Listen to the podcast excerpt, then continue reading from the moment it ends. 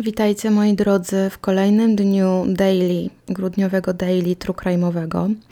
I tak jak powiedziałam Wam 30 listopada, a nie chciałabym tej informacji dodawać przy każdym podcaście, ponieważ ona będzie w opisie, e, chciałabym przeznaczyć całe, że tak powiem, zarobione pieniądze z reklam czy ze wsparcia, jakie dokonujecie na moim kanale, które będzie e, zaksięgowane, że tak powiem, przez YouTube'a od 1 grudnia do dnia ostatniego, chciałam przeznaczyć e, te środki, przekazać te środki na fundację, która zajmuje się adopcją niewidomych kotów, e, czyli fundację Ja Patrzę Sercem i jak najbardziej informacja o tym będzie jeszcze umieszczona w opisie mm, podcastu, także jeśli macie chęć wesprzeć mnie w tej działalności, bardzo gorąco Was proszę o wyłączenie adblocka.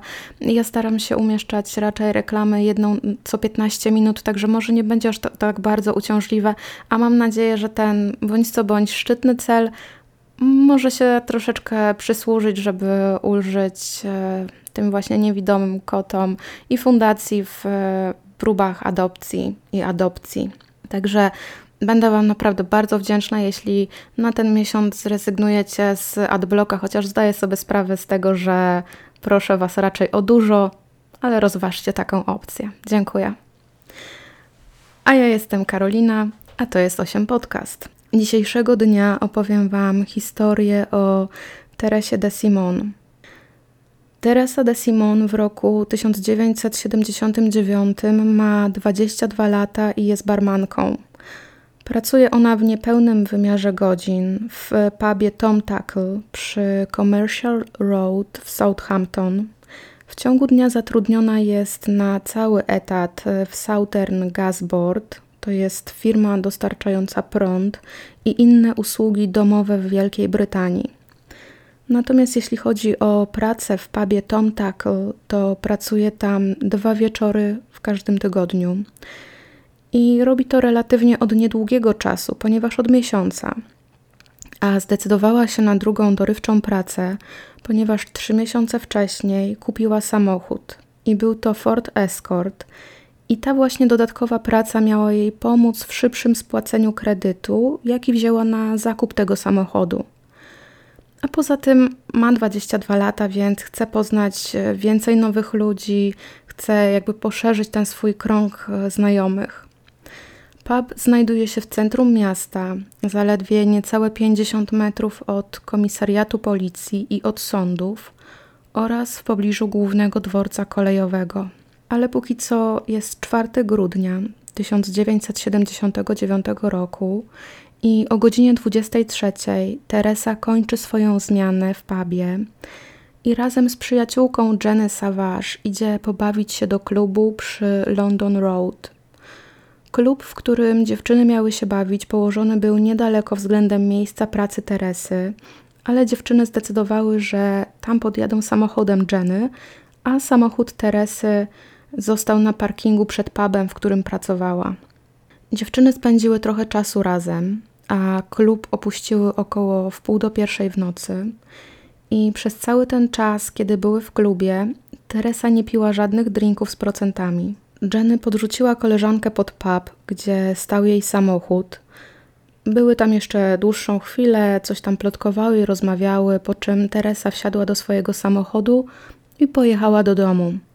No i tym samym Jenny była ostatnią osobą, którą, która widziała Teresę żywą. 5 grudnia Mary Sedotti, matka Teresy, była bardzo mocno zaniepokojona faktem, że jej córka nie wróciła do domu.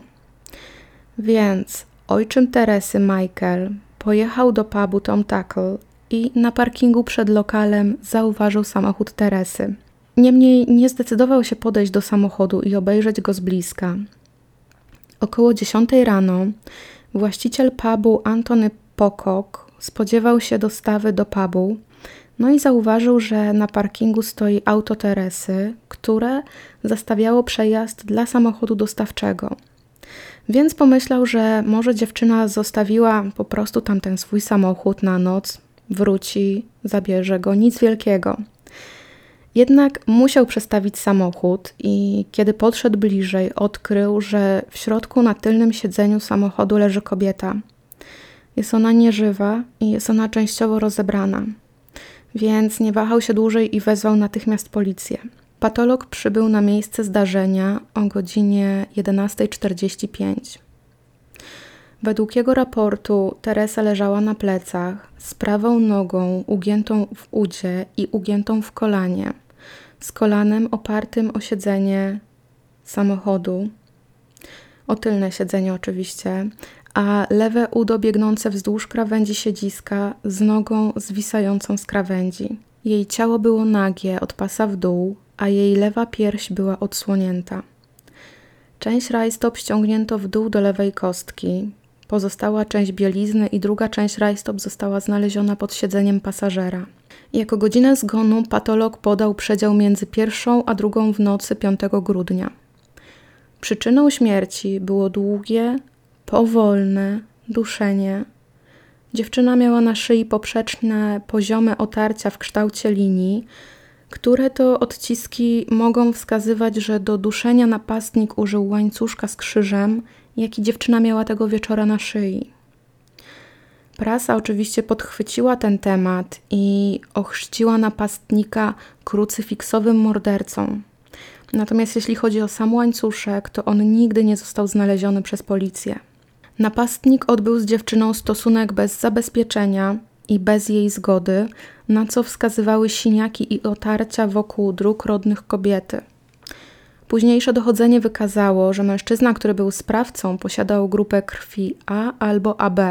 Ponieważ wszelkie działania tego wieczora Teresy były funkcjonariuszom znane, jednoznacznie wskazali oni, że sperma należy do zabójcy. Od Teresy, z jej ubrań i z samochodu zostały zabrane próbki i wymazy do późniejszych analiz.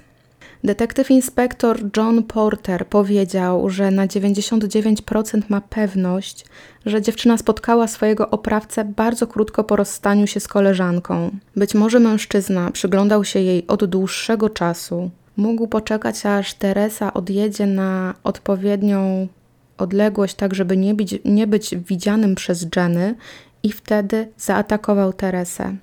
Być może też siedział w samochodzie, ponieważ drzwi od strony pasażera były otwarte. Ze śledztwa przeprowadzonego przez funkcjonariuszy wynikało, że kobieta została napastowana i odebrano jej życie długo przed znalezieniem jej w samochodzie. Skórzana torebka i rzeczy osobiste ofiary, w tym dziennik albo pamiętnik, zostały znalezione rozrzucone w wielu miejscach w pobliżu miejsca zbrodni.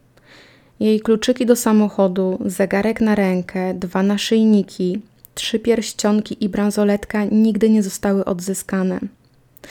Śledztwem kierował wspomniany już przeze mnie wcześniej komisarz John Porter z Southampton Criminal Investigation Department. W ciągu 12 miesięcy po zbrodni policja przesłuchała 30 tysięcy osób, zebrała 2,5 tysiąca zeznań i wyśledziła 500 osób, które były w okolicy w nocy morderstwa.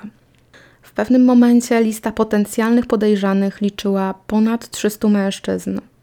Pomimo tego, że sprawca zabrał część rzeczy Teresy, policja nie wierzyła, że głównym motywem zbrodni był rabunek i uważali, że to był fałszywy trop. Policja otrzymała też dwa anonimowe listy wysłane 12 i 27 grudnia w Southampton, zawierające informacje dotyczące miejsca, gdzie przebywa sprawca zbrodni dokonanej na Teresie.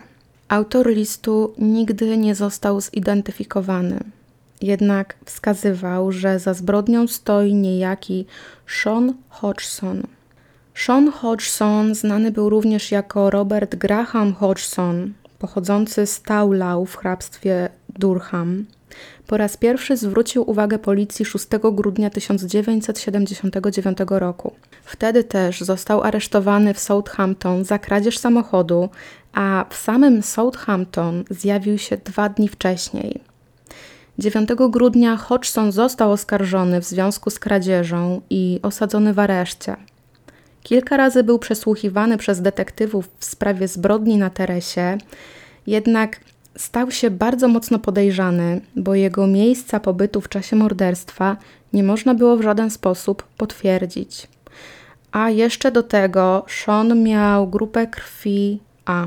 Na niekorzyść Hodgsona przemawiało też to, że miał bardzo bogatą kartotekę przestępstw, w skład w której wchodziły m.in. oszustwa, wszelkie możliwe zbrodnie dotyczące samochodów, posiadanie broni i jedno przestępstwo o charakterze seksualnym, jednak w żadnym z nich nie było mowy o przemocy, żadnych ataków na innych ludzi o jakimkolwiek podtekście.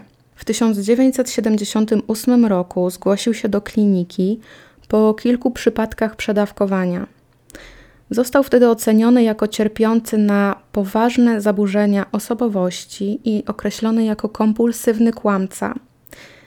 E, miał też, e, jak się wtedy okazało, bardzo bogatą historię samookaleczeń. W dniu 16 maja 1980 roku przyznał się e, do kradzieży, jednak został warunkowo zwolniony za kaucją, oczekując na wyrok. Ponownie aresztowano go w Londynie 4 czerwca i oskarżono o kolejne przestępstwa. 14 lipca 1980 roku został skazany na 3 lata pozbawienia wolności. Podczas tego procesu przyznał się do, jak to sam określił, dużej liczby drobnych przestępstw.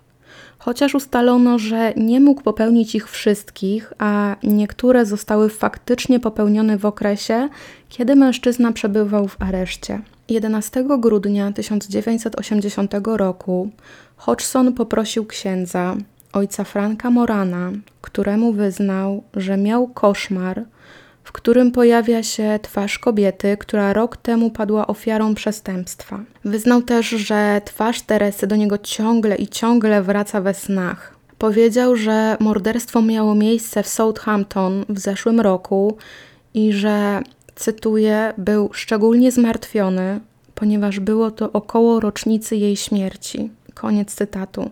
Chodzi oczywiście o te sny. Następnego dnia powtórzył zeznanie funkcjonariuszowi więzienia, a później napisał notatkę, w której przyznaje się do zbrodni i żałuje, że to nie on umarł, a jego ofiara. W ciągu następnych dwóch tygodni Sean napisał więcej zeznań, a także został eskortowany do Southampton, gdzie pokazał śledczym, gdzie pozbył się rzeczy należących do Teresy. Zeznania Shona zawierały informacje, które mógł znać tylko mężczyzna popełniający te zbrodnie lub funkcjonariusz śledczy, który brał udział w tym śledztwie, czy funkcjonariusze śledczy. I mimo, że zbrodnia była szeroko komentowana, to do prasy nie zostały przekazane wszystkie informacje. Nigdy nie zbadano, czy którykolwiek z funkcjonariuszy przyjmujący zeznania Hodgsona w rzeczywistości, celowo bądź przypadkiem, ujawnił mu którekolwiek z tych tajnych szczegółów podczas przesłuchiwania go. Wtedy nie było rutyną robienie nagrań przesłuchań policyjnych, a większość oryginalnej dokumentacji policyjnej ze sprawy nie została odnaleziona do grudnia 2009 roku. 25 grudnia Hodgson napisał kolejne zeznanie, twierdząc, że odebrał życie człowiekowi w Covent Garden w Londynie, a dwa dni później przyznał się do tego, że to samo uczynił na homoseksualiście w mieszkaniu w północnym Londynie jakoś pod koniec 78 albo 79 roku. Dochodzenie wykazało, że zeznania były fałszywe i żadne z tych przestępstw nie miało miejsca. Hodgson był sądzony za zbrodnię na Teresie de Simon w Winchester Crown Court w 1982 roku. W trakcie 15-dniowego procesu Hodgson zdecydował się nie składać zeznań ani nie poddawać się przesłuchaniom. Robin Gray, który był obrońcą Shona, wyjaśnił ławie przysięgłych, że kompulsywne kłamstwa Hodgsona były tak daleko posunięte, że przyznał się do 200 różnych przestępstw, w tym zbrodni, tak jak te, o których powiedziałam Wam chwilę wcześniej, które nigdy się nie wydarzyły. Oskarżyciele przedstawili wersję, że rzekomo pod wpływem alkoholu mężczyzna włamał się do samochodu Teresy, chcąc go okraść, ale potem zasnął na tylnym siedzeniu. No i kiedy Teresa wróciła do samochodu, położyła torebkę na tylnym siedzeniu i otarła się o mężczyznę. Wtedy też Hodgson miał ją chwycić za tył jej swetra, przekręcić go i zacząć dusić. A kiedy była albo martwa, albo umierająca, napastował ją, zdejmując jej bieliznę i rajstopy z taką siłą, że jedna noga rajstop została rozdarta. Następnie opuścił miejsce zbrodni po zabraniu różnych rzeczy, które należały do Teresy.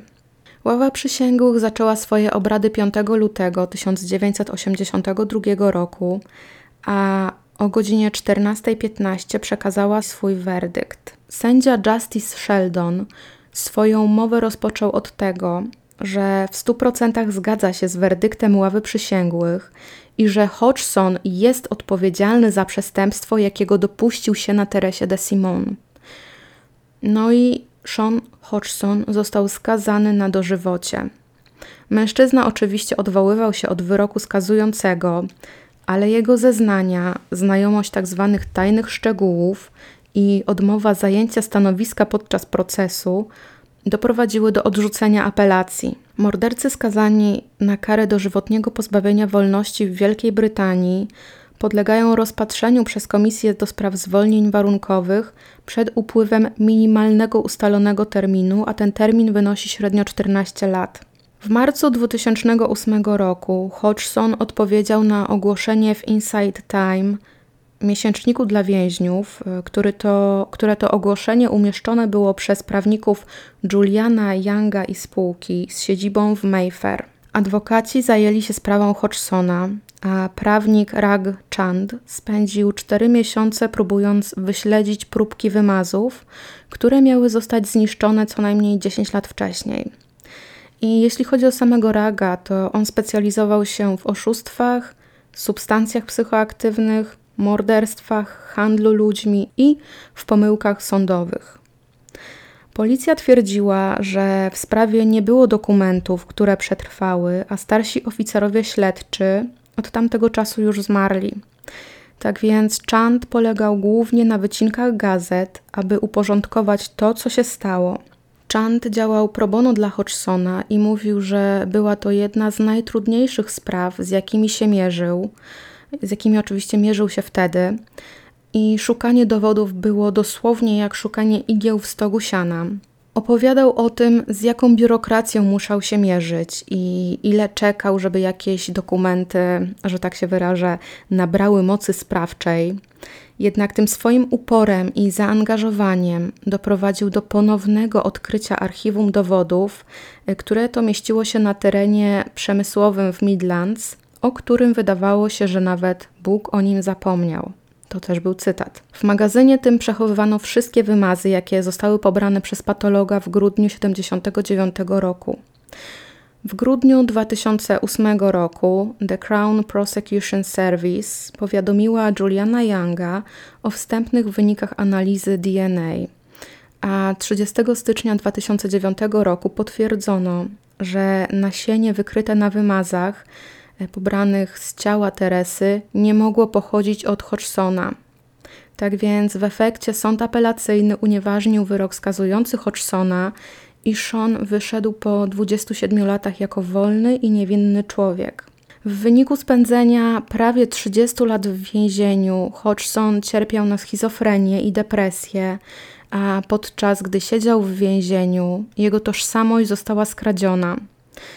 Hodgson mógł kwalifikować się do odszkodowania w wysokości do 1 miliona funtów. W grudniu 2010 roku Sean wrócił do więzienia w związku z nowymi i niepowiązanymi zarzutami o gwałt i napaść seksualną na 22-letnią kobietę, którego to czynu miał dopuścić się w domu opieki w Bishop Auckland w sierpniu 2010 roku.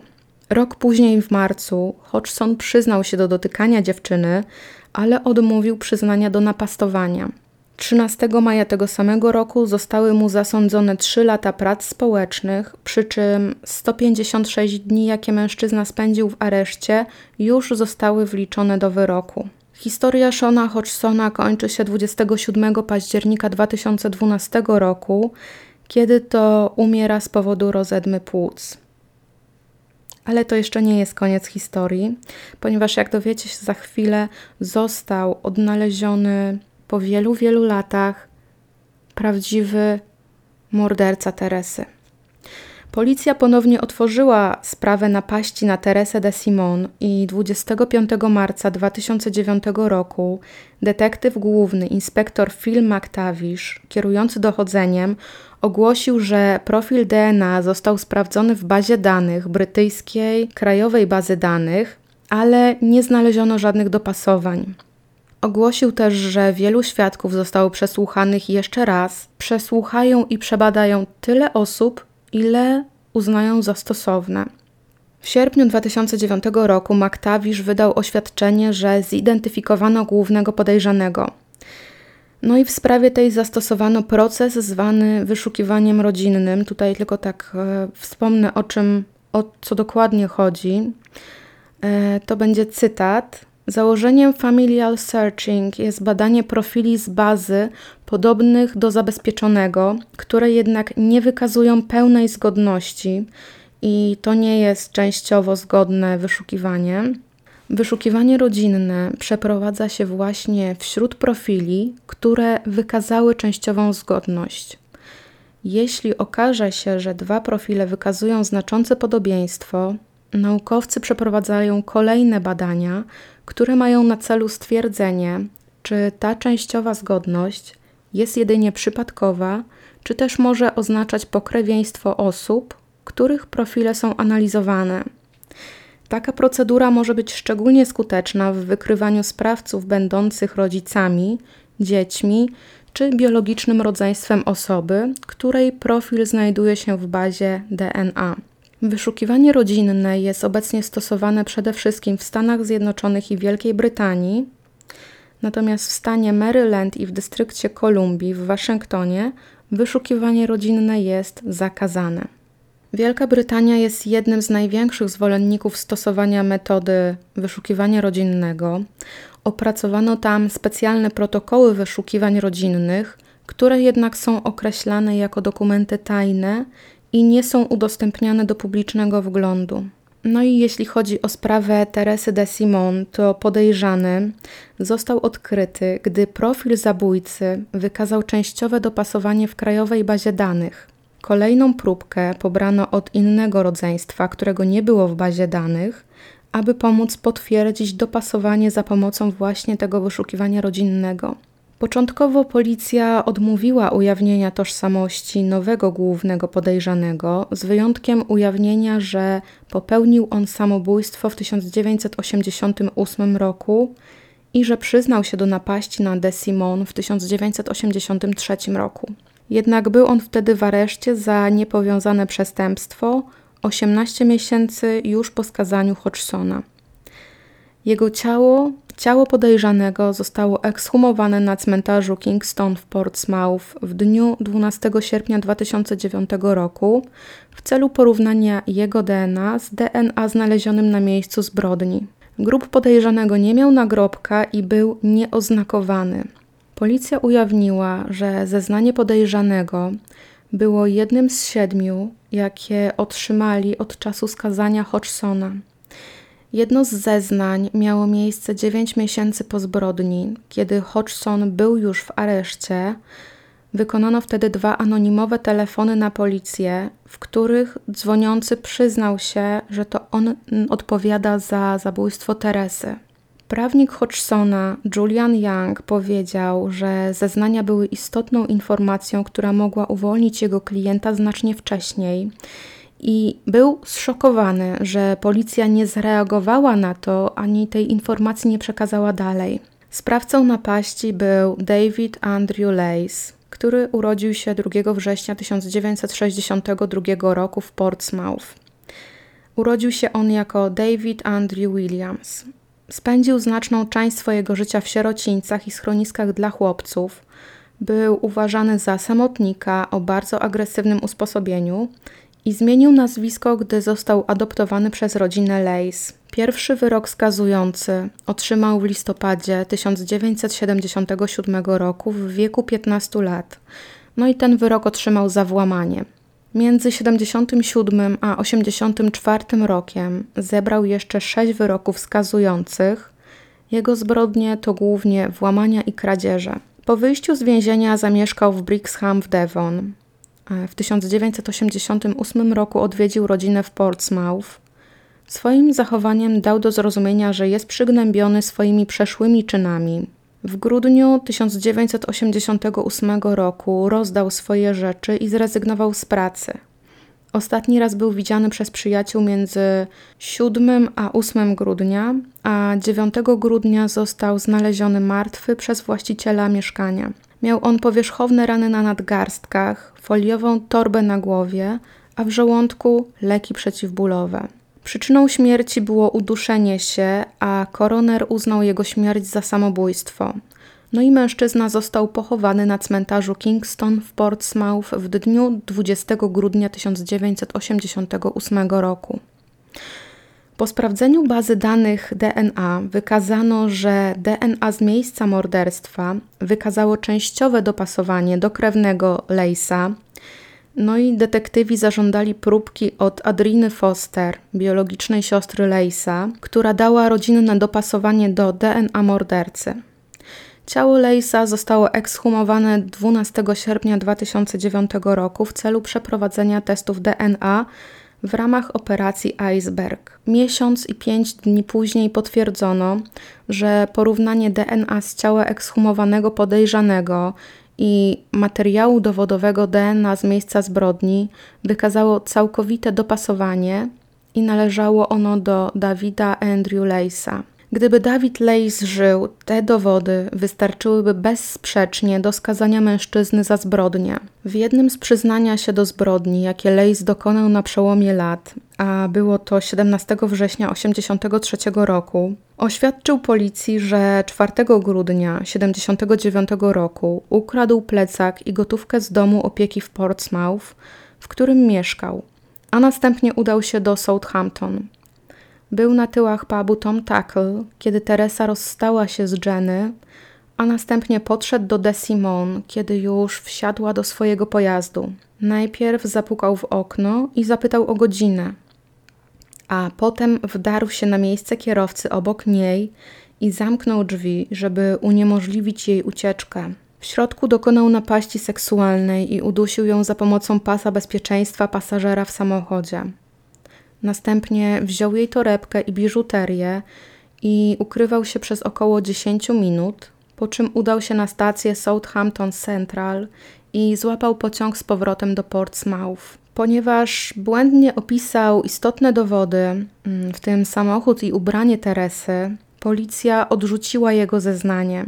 No i wtedy Hodgson oraz prawnicy jego nie zostali poinformowani o tym e, zeznaniu Lacey'ego. W swoim wyznaniu Lace dalej pisał, jak pozbył się biżuterii de Simon, jak to wyrzucił ją na nasyp kolejowy pod mostem Copnor w Portsmouth. We wrześniu 2009 roku zespół sześciu funkcjonariuszy brytyjskiej policji transportowej ze specjalistycznym przeszkoleniem w zakresie technik kryminalistycznych spędził dwa dni na badaniu okolicy w celu właśnie odnalezienia biżuterii. Jak możecie się domyślić, nie udało się funkcjonariuszom niczego odnaleźć. Sama sprawa Teresy i Shona została przekazana do Independent Police Complaints Commission w dniu 16 września 2009 roku w celu ustalenia, czy były dowody niewłaściwego postępowania lub zaniedbania policji podczas pierwotnego śledztwa w sprawie morderstwa. No i w dniu 28 października 2009 roku Mike Franklin, komisarz, ogłosił, że w wyniku oceny nie zostaną podjęte dalsze dochodzenia w sprawie działań policji, ponieważ wielu starszych funkcjonariuszy śledczych już nie żyje. Jednak w wyniku sprawy IPCC wdrożył zmiany proceduralne, aby zapewnić, że wszystkie dokumenty związane ze sprawą będą teraz przechowywane do momentu, aż skazany formalnie oficjalnie zakończy odsiadkę. Julian Young, prawnik Hodgsona, również skomentował, że Hodgson nie otrzymał żadnego oficjalnego wsparcia w przystosowaniu się do życia na wolności po 27 latach spędzonych w więzieniu.